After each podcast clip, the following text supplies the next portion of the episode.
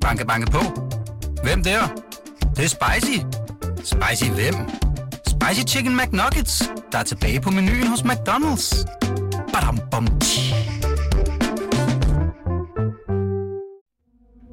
Det er den 18. december 2018. Politibetjente fra Københavns politi renser Bettina Jensens lejlighed på Sluseholmen i København. De opdager nogle håndskrevne noter. Øverst står der, forbrydelser i offentlig tjeneste. Punktvis redegør noterne for syv konkrete paragrafer og emner.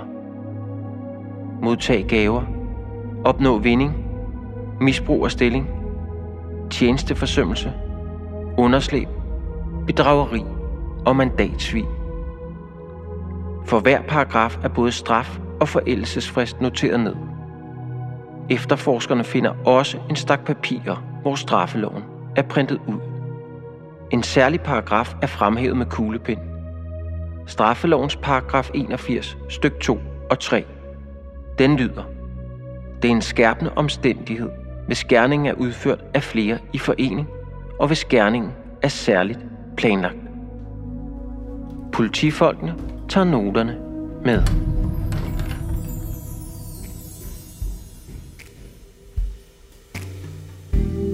Danmark bryster sig af at være et af verdens mindst korrupte lande. Men Danmark har mistet sin uskyld. Nogle gange tror vi danskere så bare også, at vi ikke har korruption i Danmark. Og øh, den dårlige nyhed er, at øh, det har vi. Rita Nielsen-sagen, skandalerne i forsvaret, så er der Bettina Jensen-sagen. En sag om vendetjenester i toppen af Rigspolitiet. Hvor sagen ville ende hen, havde jeg ikke nogen forestilling om dengang. Det, der så er sket efterfølgende, har overgået min vildeste fantasi. Hvordan kom jeg på sporet af sagen, der indeholder alt det, vi ser på film? Venskaber, fortielser, løgne og en velbevaret hemmelighed. Det her er historien om politichefens hemmelighed. En podcast af BT, skrevet og fortalt af mig, din vært, Søren Kjeldberg Ishøj, og tilrettelagt og produceret af Peter K. Nørgaard. Afsnit 6. Hemmeligheden. Det er november 2020. Jeg har Bettina Jensen i røret og skal for første gang konfrontere hende med min viden om hendes hemmelighed. Jeg ringer til dig, fordi at jeg lige skal stille dig nogle spørgsmål.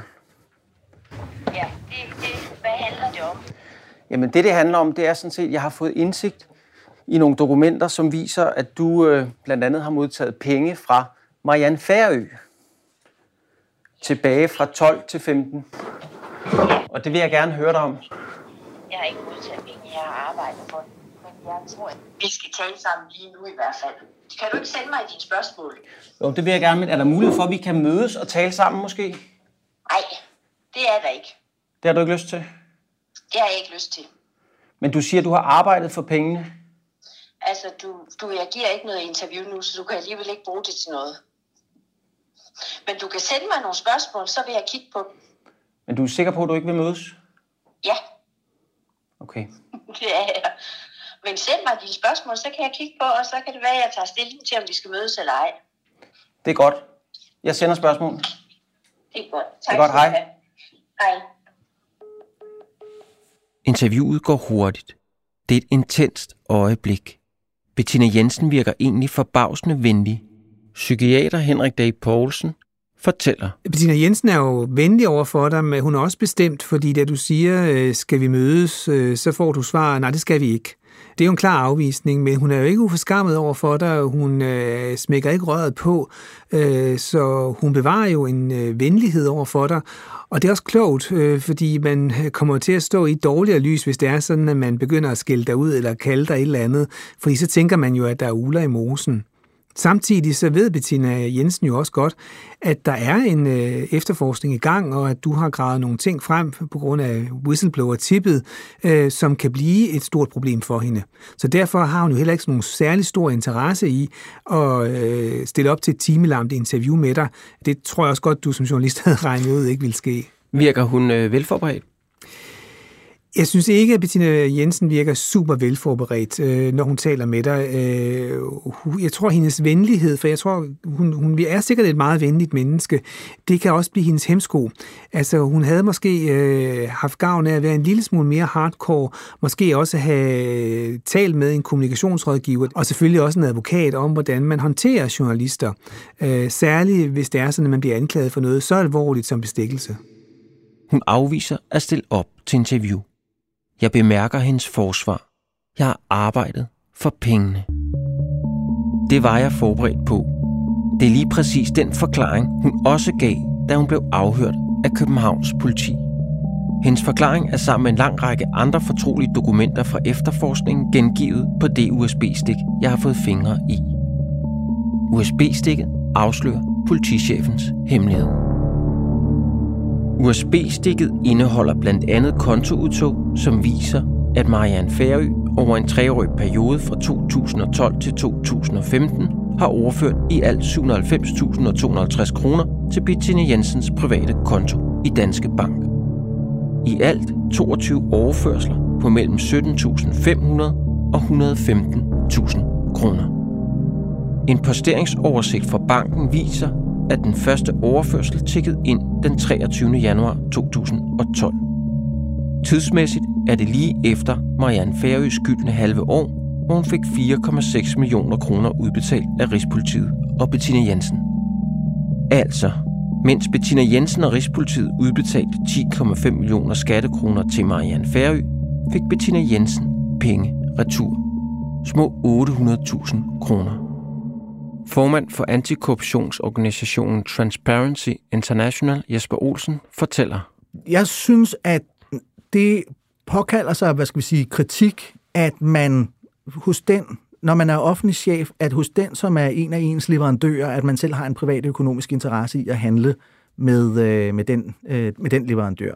Der synes jeg, at man påtager sig sådan set i virkeligheden at, at gøre sig enormt sårbar, også fordi du har jo selv en personlig økonomisk interesse i det firma der synes jeg sådan set i virkeligheden, at der er der simpelthen nogle helt grundlæggende mekanismer, der, øh, der, hvad det hedder, der bliver sat ud af side her. Man må, ikke, man må ikke handle med nogen, som man selv har en økonomisk interesse i. Det, det, er, det er det, der er sådan set i virkeligheden er på spil, og det er vel også det, der sådan set øh, gør, og det er jo så det, der nu så skal blive temaet og bevistemaet i, i retten, det er jo sådan set, er der, er der så også en strafbar øh, relation i det der. Og så det andet, må man jo, så må man jo sådan set bare sige, at det er jo et, hvad skal vi sige, det er jo, der, er jo, der er jo sådan et påfaldende øh, Øh, sammenhæng mellem øh, de to øh, beløb. Ikke? Altså, det ligner jo sådan, det er sådan, ligner sådan i, i runde tal, sådan øh, lige under, hvad det hedder, 10 procent øh, som jo er sådan en, en, en klassisk, øh, hvad det hedder, øh, korruptionsrate. Det er jo sådan set det der med, at man, man lige tager 10 procent for at give en, øh, give en kontrakt. Det er der jo i hvert fald en tidligere pakistansk præsident, som jo blev kaldt Mr. 10 procent, fordi det er sådan, det er ligesom den, øh, hvad det hedder, den rate, der er. Der synes jeg da bare, at, at beløbet, øh, beløbet her er, er påfaldende tæt på. Det er her, at Bettina Jensens forklaring er helt central. Hun hævder, at de 790.250 kroner er for arbejde, hun udførte for sin konsulentveninde Marianne Færø, samtidig med sit krævende job i Rigspolitiet. En sidegeschæft, som Bettina Jensen har holdt hemmelig siden BT skrev den første artikel i sagen i juni 2016. Ingen, heller ikke i Rigspolitiet, har kendt til hemmeligheden. Lige indtil den dag, efterforskerne ved Københavns politi fik indsigt i hendes bankkonti.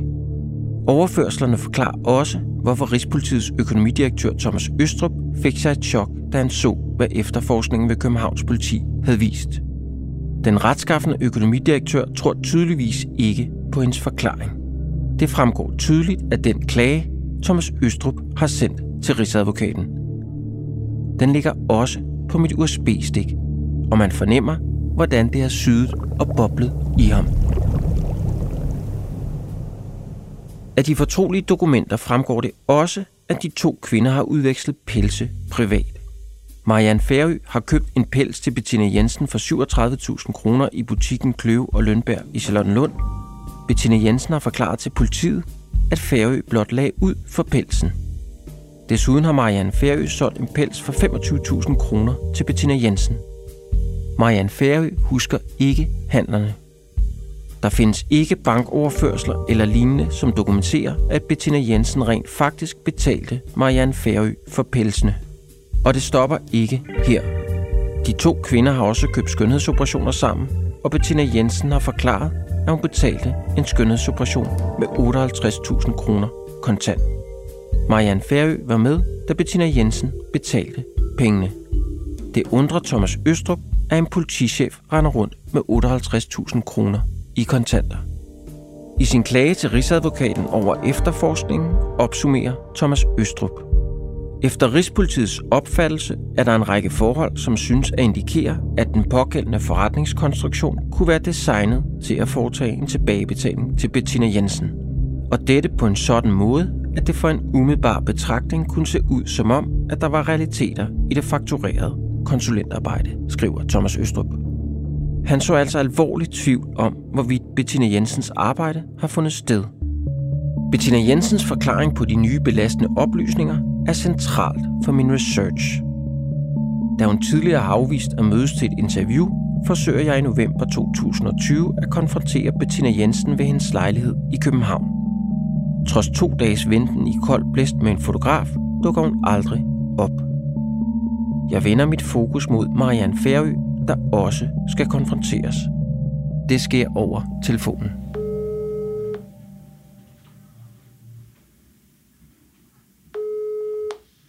Det er Marianne Færø. Hej Marianne, det er Søren Ishøj fra BT. Goddag. Hej, undskyld jeg forstyrrer. Det er okay. Men jeg ringer til dig, fordi at jeg har fået indsigt i noget materiale, som viser, som viser at du tilbage i 2012 til 15 øh, overført 800.000 til Bettina Jensens konto, samtidig med, at du arbejder for hende. Og der vil jeg gerne lige øh, stille dig nogle spørgsmål i den sammenhæng. Hvis du vil stille mig nogle spørgsmål, så må du være sød og skrive dem til mig på en mail, så skal jeg nok reagere. Ja, men hvad siger du til, altså det er jo Rigspolitiet mener, der er tale om bestikkelse, og at det her med, at... Jeg øh, vil gerne bede dig om at skrive til mig, hvis du vil spørge mig om noget. Du gider ikke at tale med mig over telefonen her? Nej, det synes jeg ikke, jeg har særlig gode erfaringer med sidst, jeg talte med dig. Okay, men jeg har bare en enkelt ting, jeg gerne lige vil høre dig om, fordi Rigspolitiet mener, at der er tale om et Jeg setup. har ikke nogen kommentar per telefon. Du må skrive til mig. Marianne Færø er altså ikke videre meddelsom. Jeg vender tilbage til sagens dokumenter, for der er også andre huller i deres forklaring.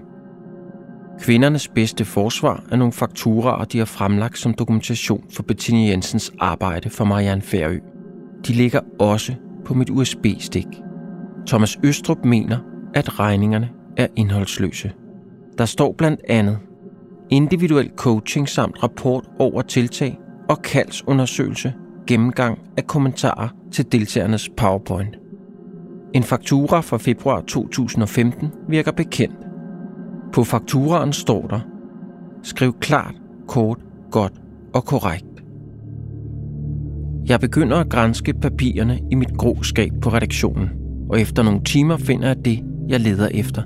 Et krøllet papir med æselører. Skriv klart, kort og godt, står der på papiret. Det er titlen på et kursus, som Marianne Færø selv udbyder, og som Bettina Jensen købte af en helt tilbage i 2004, da Bettina Jensen var chef i DR. Altså, Marianne Færø har købt et kursus af Bettina Jensen med samme ordlyd som et af hendes egne kurser. Det hænger simpelthen ikke sammen. Oven i hatten finder jeg ud af, at der mangler fakturaer for 430.875 kroner. De findes simpelthen ikke.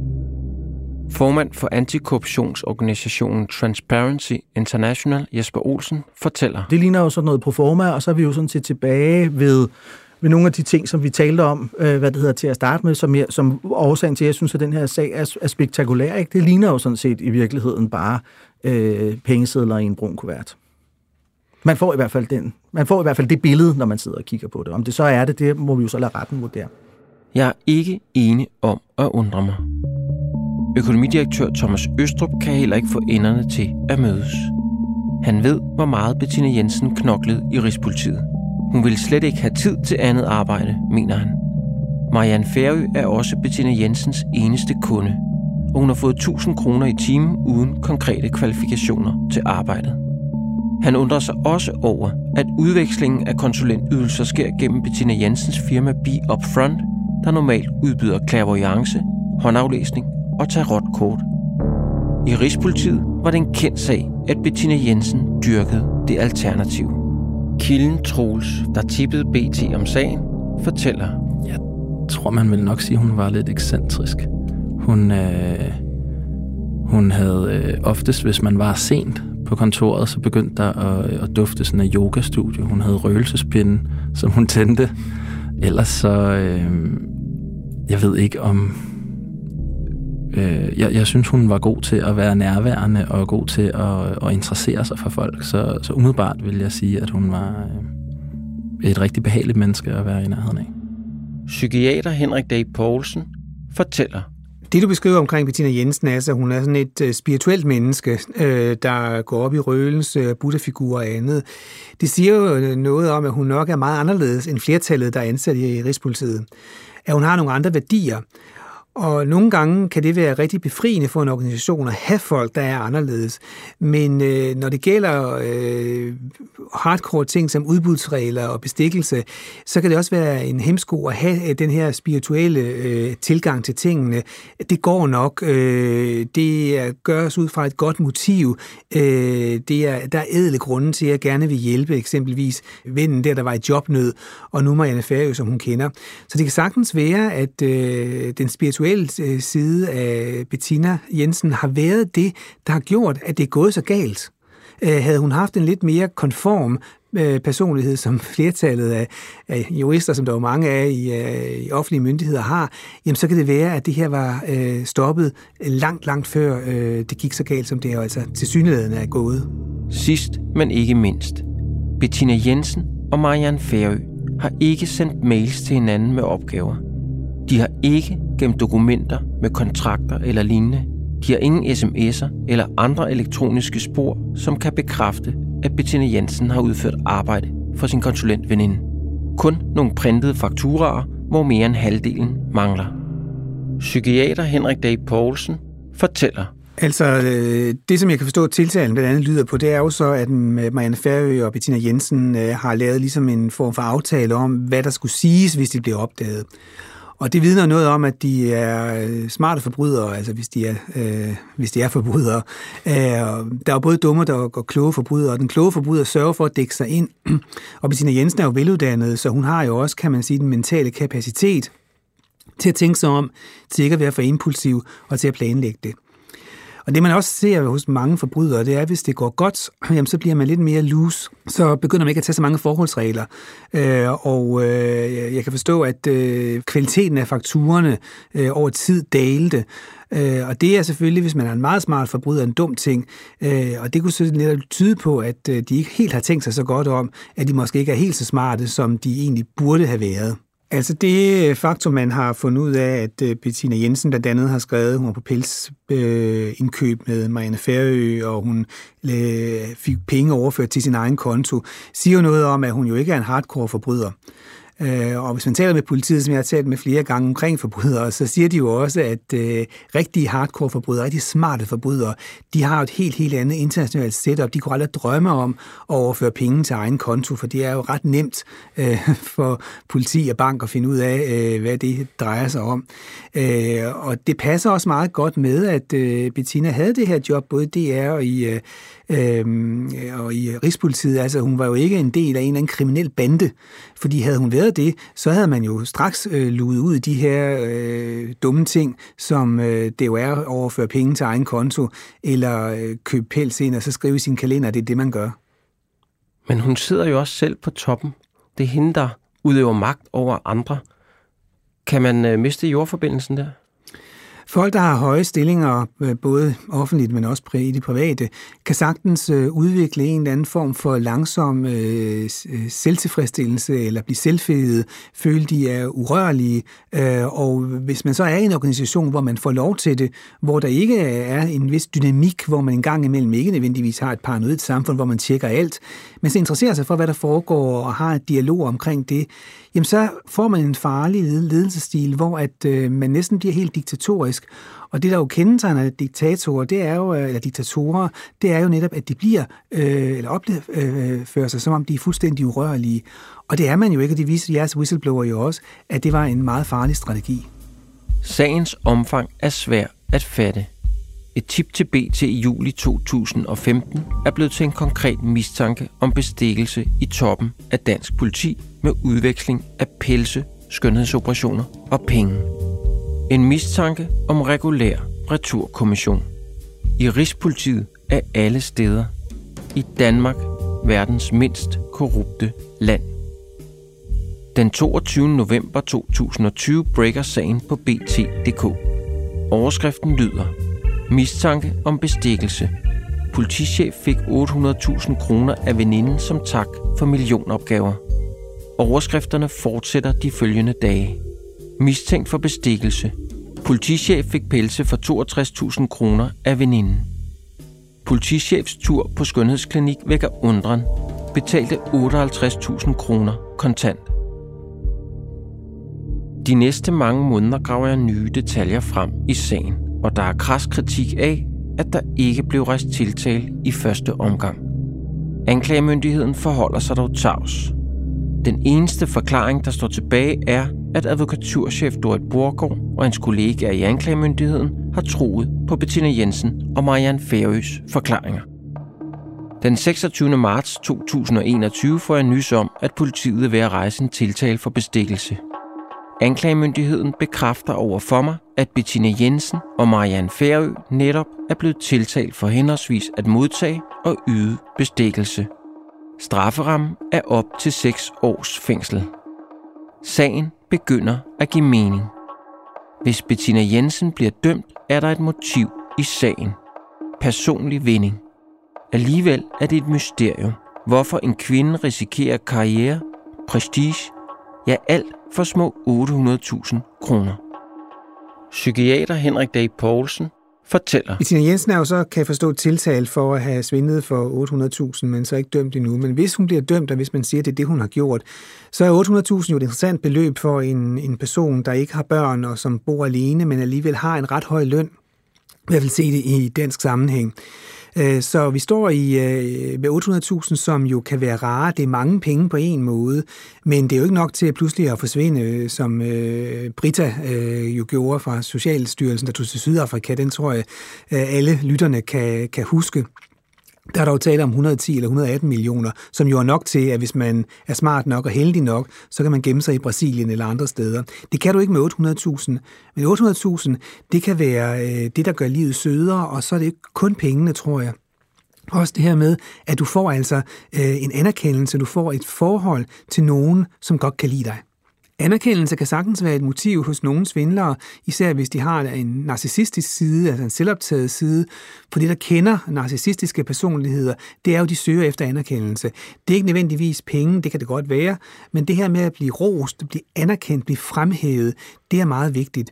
Så hvis øh, det er en del af Bettina Jensens personlighed, så kan det jo også være en del af forklaringsmodellen på, hvorfor at det gik, som det gik. Hun har kridhvid straffeattest og kunne formentlig ikke drømme om at stjæle en Marsbar i et supermarked. Hvorfor gør hun så det her? Det er jo altid psykologisk øh, set interessant at spørge sig selv, kunne øh, jeg blive korrupt, eller kunne du blive korrupt? Det afhænger helt af, hvilken personlighed du har. Øh, vi deler sådan groft øh, folk op i tre personlighedstyper, udadvendte, indadvendte, og så dem, der er sådan lidt nørdede eller ekscentriske. Øh, og især øh, de af os, der er øh, udstyret med en udadvendt, øh, ekstrovert personlighed, vi bliver nok lidt nemmere lokket, fordi vi ofte har den her lidt grådige side, den lidt narcissistiske side, så når vi møder folk, der tilbyder os ting, jamen så er det lidt nemmere at lokke os, hvorimod de to andre personlighedstyper, der er nogle andre mekanismer, der psykologisk set gør, de er svære at, at lokke med på vognen. Så nej, jeg tror ikke, alle kan blive øh, lokket til det, men øh, man skal også passe på, at man ikke sidde og være for heldig og sige, det sker aldrig for mig. For Rigspolitiet har sagen fået meget konkrete konsekvenser. Anders Fransen, tidligere kommunikationsdirektør i Rigspolitiet, fortæller. På baggrund af hele den her sag lavede vi øh, nogle supplerende kontrolforanstaltninger. Ja, hvad, hvad består de af sådan helt konkret? Jamen det er, der, der er bedre kontrol i forhold til, øh, hvis der er nogen, der skal købe noget, så skal der en direktør øh, underskrift øh, på det, øh, hvis det er over øh, 100.000 øh, kroner. Øh, der er en selvstændig enhed for tilsyn og controlling, øh, som har haft reference til Rigspolitiets øh, direktion, hvor de også kommer med rapporter og undersøgelser af, overholder man de forskellige ting. Der er hyppigere stikprøvekontrol øh, på, har man lavet den nødvendige øh, markedsafdækning, øh, hvis man skal ud og, og købe ting. Så vi har lavet en række foranstaltninger, som gerne skal sikre, at vi har bedre styr på vores udbudsprocedurer øh, fremover. Så en ny chef for koncernservice, som jo var Bettina Jensens øh, titel derinde, vil ikke i dag kunne hyre en konsulent, der får 4,6 millioner kroner på et halvt år?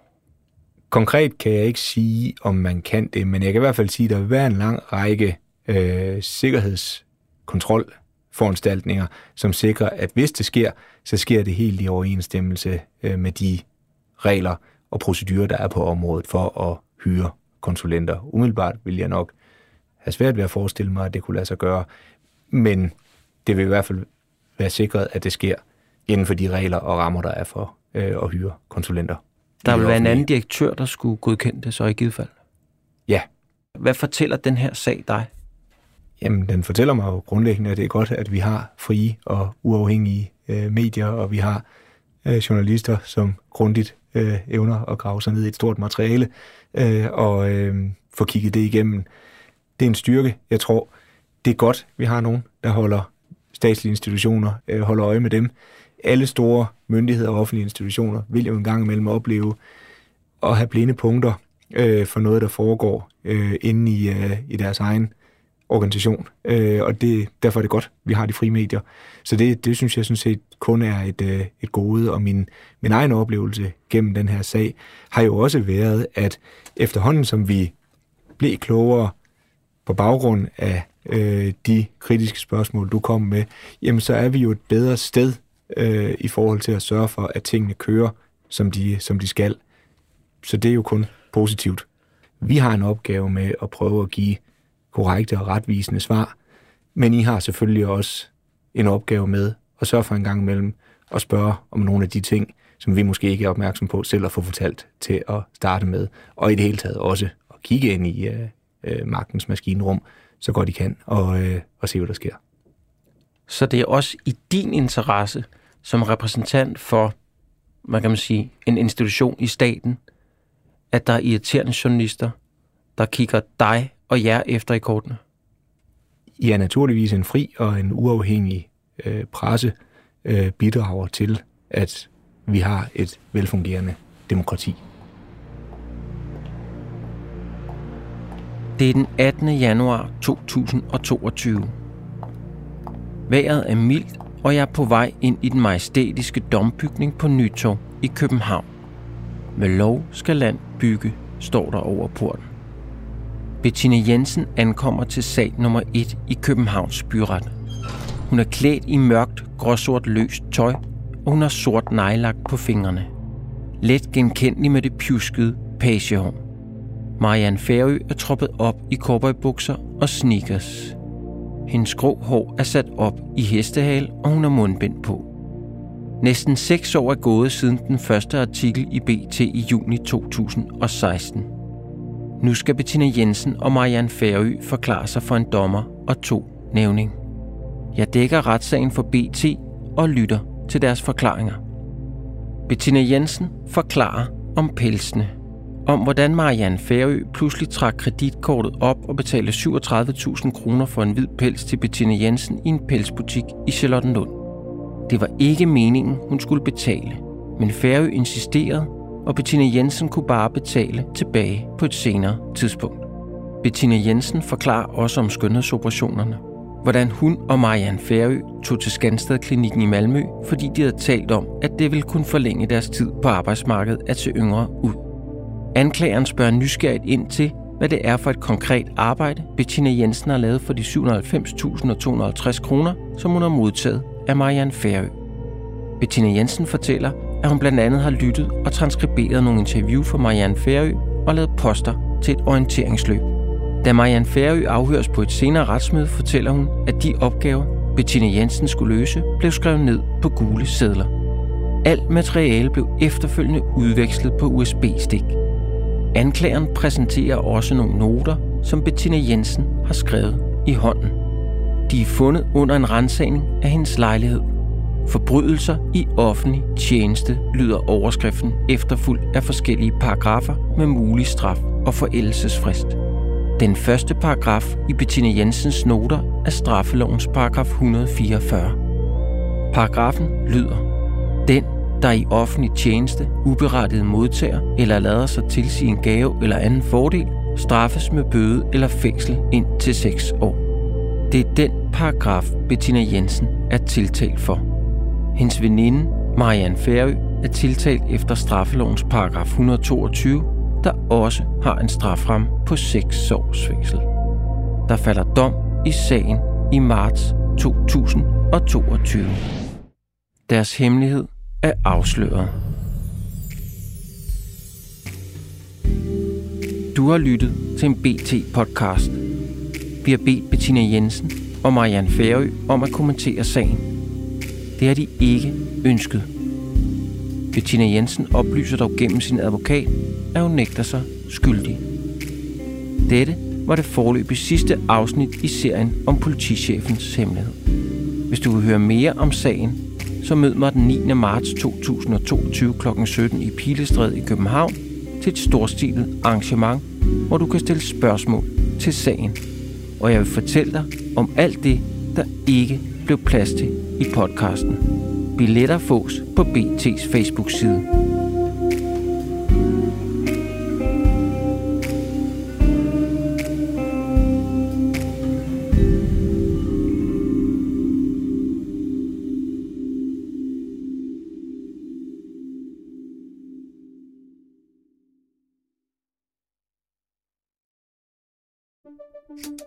Banke, banke på.